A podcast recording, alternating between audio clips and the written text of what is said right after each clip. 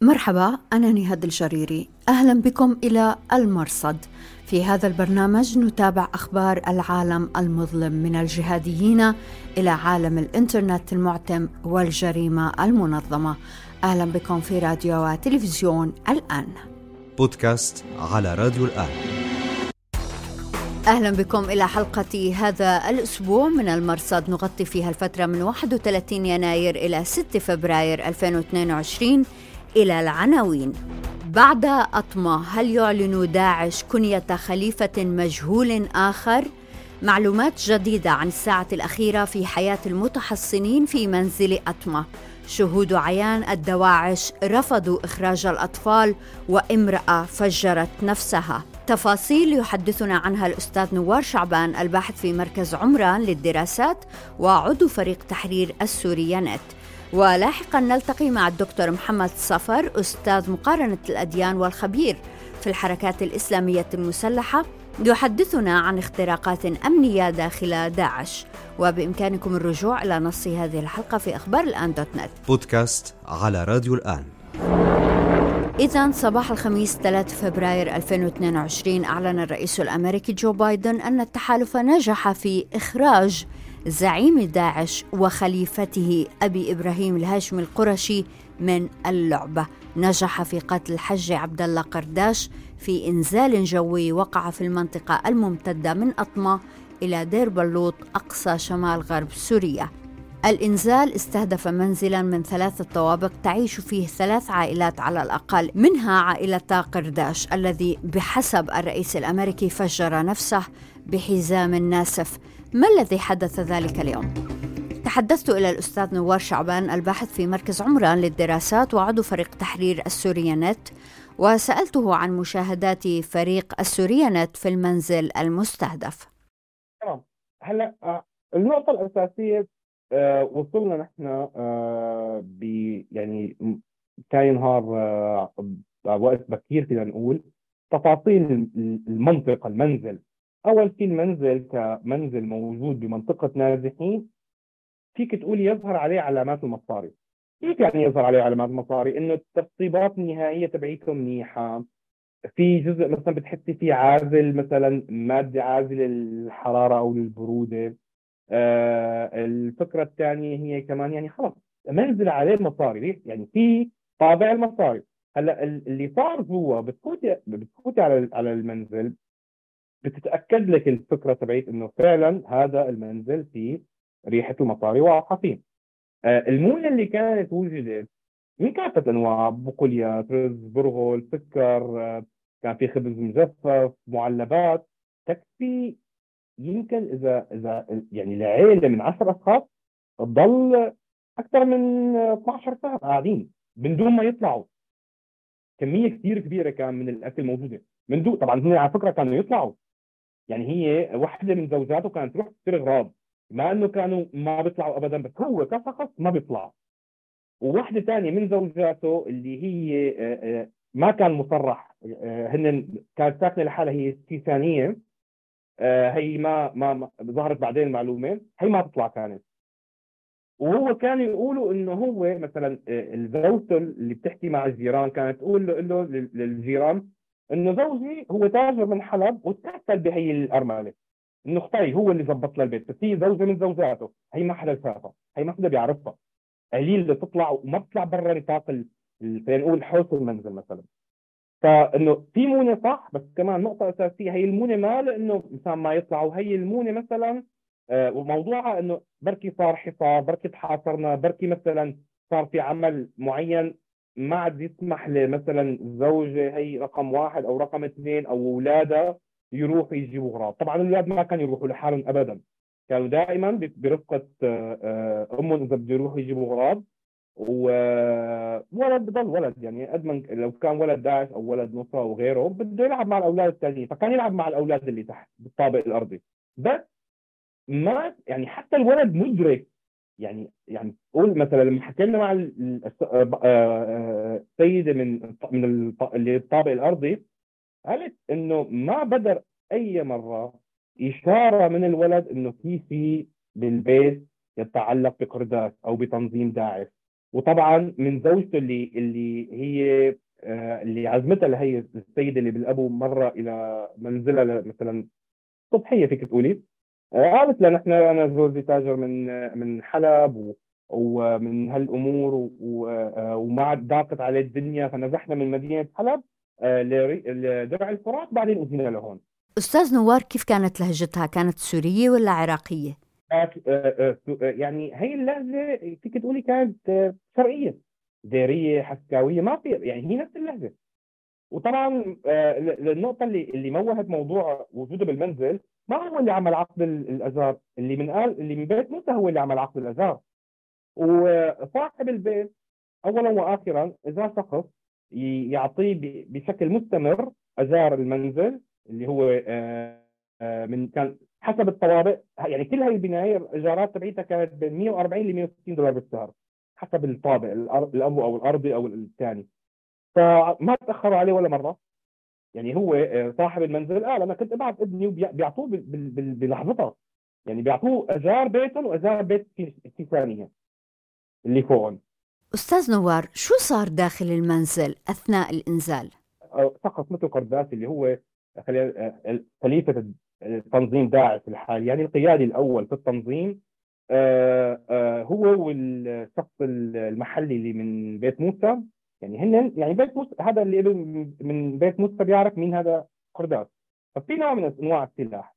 وطبعا آه، العقيدة تبعيت أي تنظيم مثل داعش أو أي تنظيم عقائدي قائم على عقيدة شرعية أو قائم على هالمنطلق رح خلص هو مدرك إنه انتهى. فما رح يسلم حاله عايش. مستحيل. فبيحاول بفتره بيحاول إنه يضل عم يستمر بموضوع الاشتباك مع كل اللي معه. يعني أنا ما يعني لو أوضح لك إياها آه، آه، نسائهم أيضا عقائديات. يعني هي كمان ممكن تمسك سلاح وتدافع. بس بما إنه هو بس في رجالين كانوا جوا والاطفال اللي ما نعرف أعمارهم والنساء ف القدره على حمل السلاح الضخم ما كانت موجودة. وهذا الشيء خلاص أدرك عن قوات التحالف وبدأوا. انه بدأوا بتحرك للطلعه لفوق. بس هون بهالمرحلة هو شو كان عم يعمل؟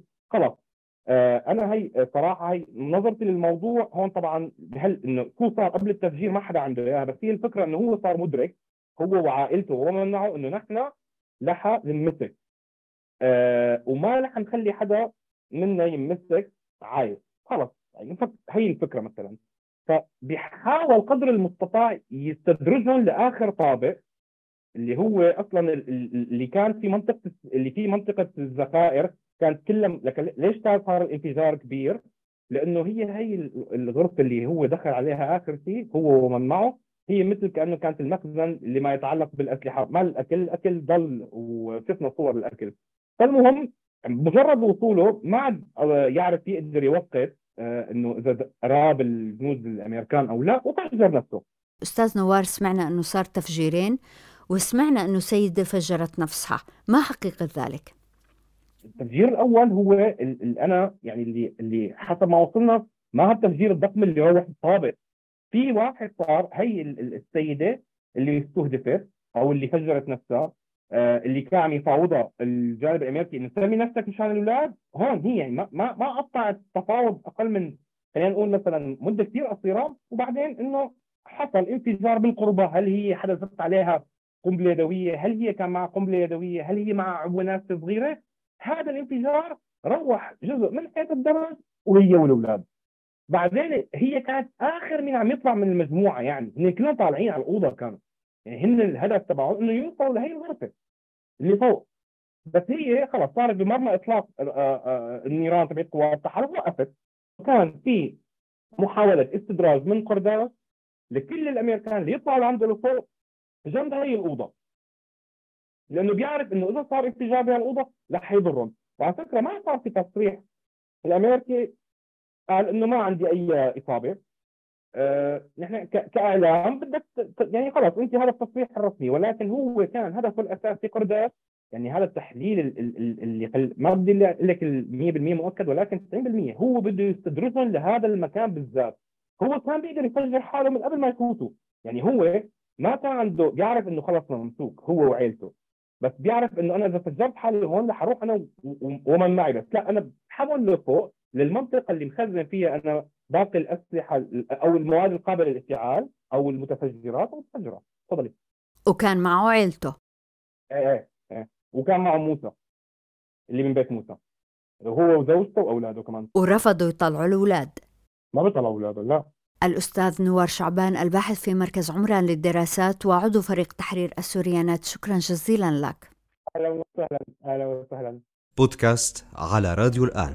حتى ساعة إعداد هذه الحلقة صباح الاثنين 7 يناير 2022 لم يصدر أي رد من داعش الرسمي ولا حتى في صحيفته الأسبوعية النبأ الصادرة مساء ذلك اليوم الخميس 3 يناير. أنصار التنظيم في انتظار الرسمي يمنون النفس بالصبر ويدعون أن موت زعيمهم لا يعني الكثير يقول أحدهم لو فرضنا صحيح ما يقال فأين المشكلة في ذلك؟ أين المشكلة لو جاءنا خبر أحد قادتنا؟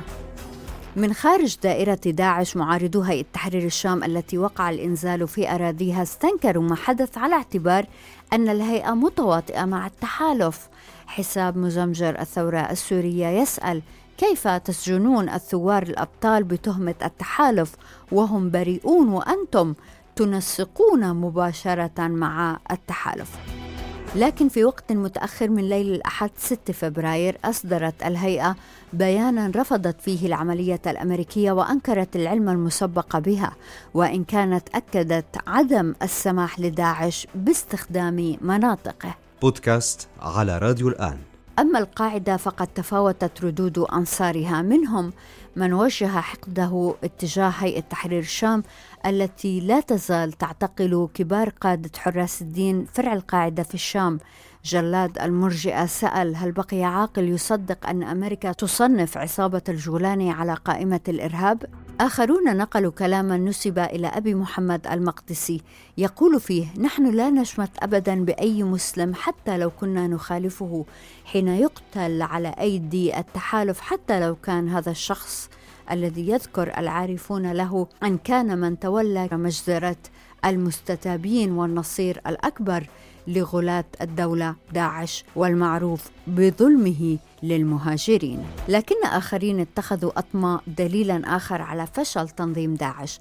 قناة فضح عباد البغدادي والهاشمي بدأت تتداول عبارة سلطان أطمة على وزن سلطان باريشة في إشارة إلى قتل الخليفة الأول أبي بكر البغدادي في باريشة القريبة. كما ربط هذا الحساب بين أطمة وسجن غويران ملمحا إلى اختراق أمني.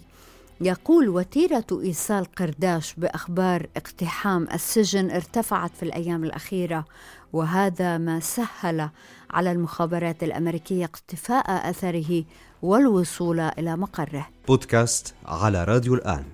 في كل ما قيل لفت ما نقله تحت عنوان معلومات خاصة حساب أس الصراع في الشام وهو من الحسابات المخضرمة المناهضة للجولاني في إدلب. يقول أخبرني مصدر رفيع داخل هاتش بأننا داهمنا المنطقة نفسها ثلاث مرات خلال شهرين بعد ورود أنباء عن وجود تحركات مريبة لداعش ولم نعثر على شيء. ويضيف أس الصراع أن عبد الله قرداش هو صديق الجولاني وكان معه في سجن بوكا وهذا بشهادة نائب أبي بكر البغدادي حامد الجبوري وهذا يعطي احتمال ولو قليل بمعرفة الجولاني بتحركات عبد الله قرداش يقول أس الصراع.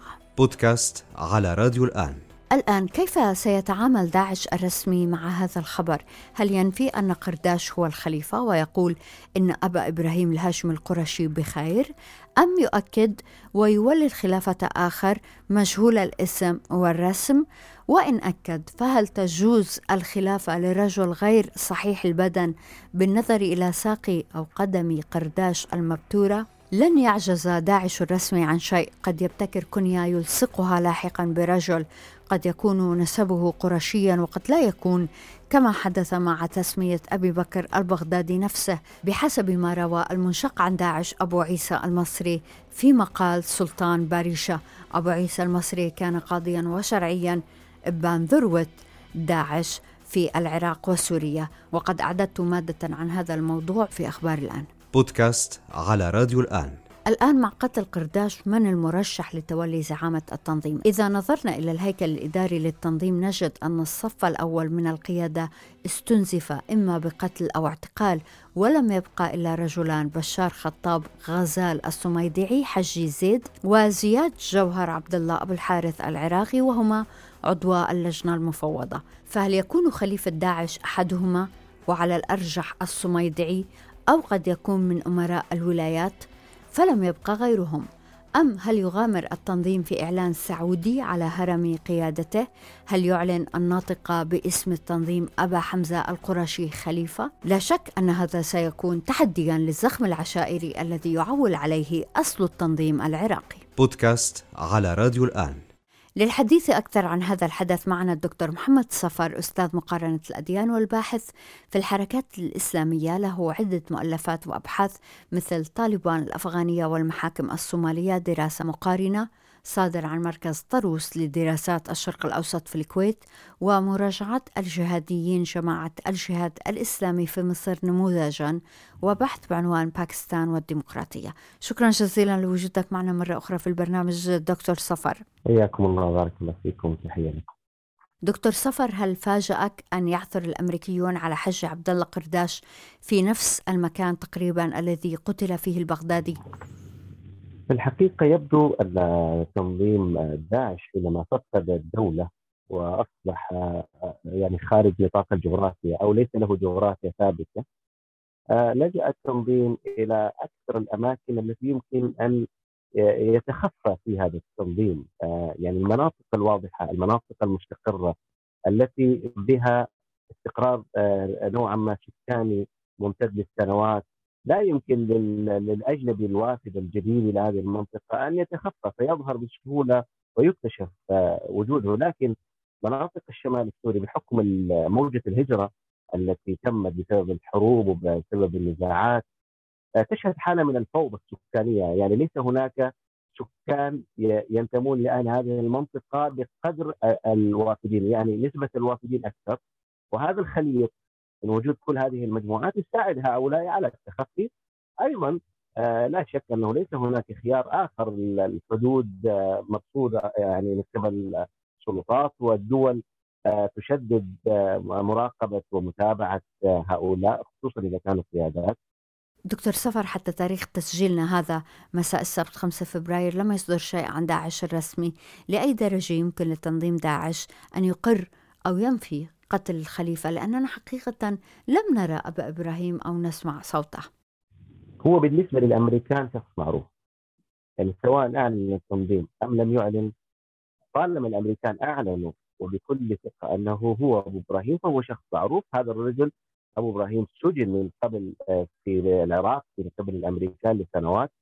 والمعلومات الأمنية آه، آه، وحتى المعلومات ربما المتعلقة ببصماته وبالدي ان اي موجودة لدى الأمريكان. دكتور سفر حضرتك بتقصد حجي عبد الله قرداش. هو نفس الشخصية في الحقيقة عند الأمريكان. يعني الأمريكان لا لا, لا يرون أن أبو إبراهيم القرشي شخص يختلف عن عبد الله قرداش. في النهاية آه، هم يرون أنه هو ويعتبرونه آه، تبوأ هذا المنصب. ولذلك أقول أن التنظيم ربما يتأخر في الاعلان آه، ليس لأن التنظيم يعني يتعمد التأخير من أجل أن أن يتأكد من شخصية الرجل ولكن لأن التنظيم نفسه يشهد حالة من الفوضى بسبب الاختراق الامني الذي حدث لهذا المستوى من ناحيه من ناحية أخرى. أبو إبراهيم نفسه حينما أو القرشي أو عبد الله حينما اختير من قبل أبو بكر البغدادي خليفة له كان هناك تسلسل واضح في انتقال السلطة من قيادي إلى قيادي، اليوم هناك حالة فراغ. حتى في هذه العملية الأمريكان قالوا أنهم قاموا باغتيال نائبه، فاذا هناك حالة فراغ كبيرة في قيادة هذا التنظيم ولذلك من الطبيعي أن نشهد هذا الغياب غياب التنظيم عن الإعلان أو الظهور. آه، ربما هناك حالة فوضى كبيرة ولا شك أن هناك حالة فوضى كبيرة. فالتنظيم كان يعاني بعد غياب دولته وبعد مقتل مؤسسه أبو بكر البغدادي من آه، حالة في آه، في هيكليته وفي قدرته على تنظيم وإدارة هذا التنظيم آه لعل القادة الذين استطاعوا الهروب من سجن الحسكه سجن طويران ربما هؤلاء يكون لهم دور في اختيار خليفة قرداش وتشكيل هيكلة جديدة بعد بعد يعني تأمينهم المنظومة الأمنية لقيادة داعش. وبالتالي دكتور سفر لأي درجة استهداف رؤوس التنظيم على هذا النحو يساهم في إضعاف التنظيم يعني خليفتين قتلا في عامين تقريبا. تنظيم داعش آه، هو إيديولوجيا طبعا في النهاية دولة آه، ولا شك أنه سيتأثر بمقتل قياداته. آه، لكن ما دام الفكر موجود وما دام هناك من يؤمنون بهذا الفكر وهناك من يمولون هذا الفكر فما شك أن قد يمتد هذا التنظيم ويبقى لكن مسألة قوة هذا التنظيم وضعفه هذا التذبذب سيكون مستمر إلى أن يجد هذا التنظيم آه، قيادة قوية وتمويل قوي وأفراد يؤمنون به بشكل كبير. مرة أخرى ربما يتوسع التنظيم لكن آه، آه، تنظيم داعش حظوظه في التوسعة وفي أن يعود قويا كما كان برأيي ليس حظوظ قوي كما في السابق. التنظيم اليوم مخترق. التنظيم اليوم في أضعف حالاته. التنظيم اليوم هناك منافسين له في الميدان. جبهة النصرة هيئه تحرير الشام التي يعني انشقت عن هذا التنظيم. آه، استطاعت اليوم أن تثبت نفسها وأن تثبت أنها آه، يعني قادرة على إدارة هذه المنطقة وقادرة على التعامل مع المجتمع الدولي. والتناغم مع المجتمع الدولي وتقديم تنازلات وتغيير حتى ايديولوجيا آه، داعش ولذلك هؤلاء المنافسين اليوم ساحه أيضا يقللون من حضور هذا التنظيم للعودة مرة أخرى. دكتور سفر حضرتك حكيت أنه التنظيم مخترق ماذا تقصد بالضبط؟ يعني إذا كان إبراهيم أبو إبراهيم القرشي وعبد الله قرداش أهم ما يميزه أنه كان رجلا امنيا وعسكريا بامتياز يعني ليس هو بعالم دين ولا برجل مفكر كما هو كما كانت شخصية أبو بكر البغدادي الجامعة لكل هذه الصفات والكاريزما التي كانت موجودة لدى البغدادي. فإذا كان هو القرشي على خبرته الأمنية وعلى خبرته في السجون وعلى خبرته في يعني يعتبر من أقوى رجالات داعش عسكريا وامنيا لم يستطيع أن يحمي نفسه ولم يستطيع أن يعني آه، يشكل منظومة أمنية تحول دون الوصول إليه بهذه السهولة. يعني أنا أعتبر بهذه السهولة في الحقيقة. لأن منذ انتخابه لم يتجاوز عامين وتم الوصول إليه وتم قتله واغتياله. وكما تفضلت في بداية حديثك يعني أن الرجل اغتيل بنفس طريقة آه، تقريبا البغدادي في نفس المنطقة. وهذا دليل أيضا على يعني ربما استهتارهم بالجانب الأمني أو ربما حتى عدم قدرتهم يعني عدم وجود كفاءات آه، تستطيع من خلال التنظيم. آه، أو دليل على أن هذه المنظومة الأمنية مخترقة بالكامل وبعض الجهات تتحدث يعني عن أن قوات قسد هي التي وفرت بعض المعلومات. بعض الجهات تتحدث عن ان هي تحرير الشام.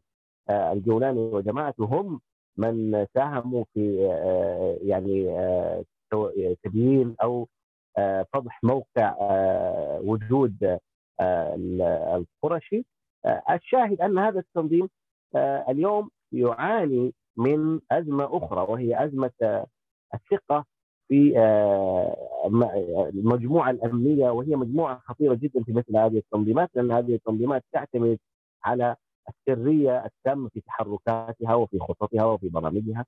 فإذا ما إذا ما تم اختراق هذه المنظومة ولو في بعض أجزائه فإنه لا شك يعني مسألة جوهرية بالنسبة لهذه التنظيمات وقلت حضرتك أنه إذا توفر التمويل اللازم للتنظيم ممكن أن يعود سيرته الأولى لا نزال حقيقة نسأل عن الملايين التي سلبها داعش من الرقة والموصل أين هي؟ هل هي مع جماعة التركمان؟ نعم آه، هذا التنظيم لأنه قلت فقد الدولة فهو فق... آه، لم يستطع بعد فقده للدولة أن يعيد تشكيل هيكليته آه، ويتأقلم مع الوضع الجديد. آه، وفي نفس مع فترة اختفاء الدولة ومع فترة الفوضى ذهب أبو بكر البغدادي الذي كان يمكن أن نقول أن لديه القدرة على على إعادة بناء التنظيم بما يتوافق مع الواقع الجديد. التنظيم يعاني من في هيكليته من المركزية اليوم. لا يستطيع التنظيم أن يكون مركزيا ولذلك لا يمكن لهذه الأموال أن تكون موجودة لدى جهه بعينها آه، تحت إدارة جهة آه، واحدة في هذا التنظيم. لا شك أن الأموال موزعة بين مجموعات زي ما تفضلت آه، وهذه المجموعات هي التي يمكن أن تتصارع في ما يخص الغنائم. أنا كما قلت لأن هذه بلغتهم تعتبر غنائم.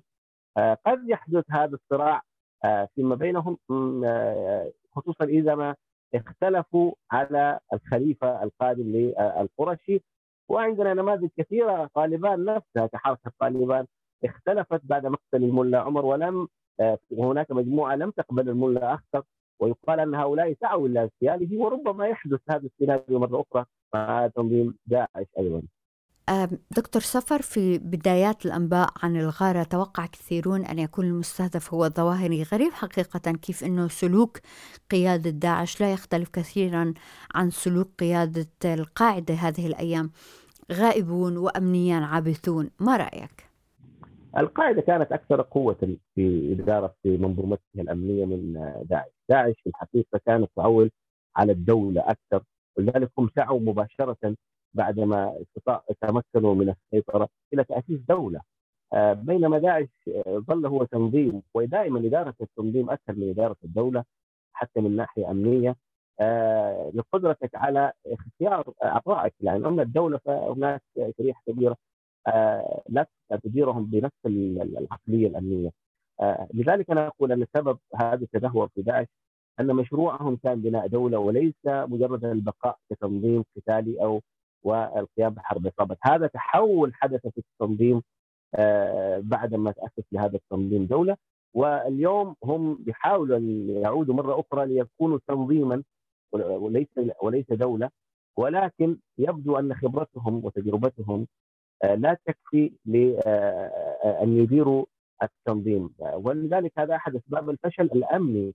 القاعدة على سبيل المثال استطاعوا أن يعني إخفاء اسامه بن لادن لسنوات طويلة جدا آه، ويعني حتى أن الانجاز قتله كان انجازا كبيرا بالنسبة للأمريكان. بينما الوصول إلى القرشي لم يكلف التحالف ربما حتى ثلاثة أشهر يعني للوصول إليه. الدكتور محمد سفر أستاذ مقارنة الأديان والخبير في الجماعات الإسلامية المسلحة شكرا جزيلا لك. الله يبارك فيكم أكرمك الله وشكرا جزيلا لوجودكم معنا في راديو وتلفزيون الآن. أنا نهاد الجريري مع السلامة. بودكاست على راديو الآن.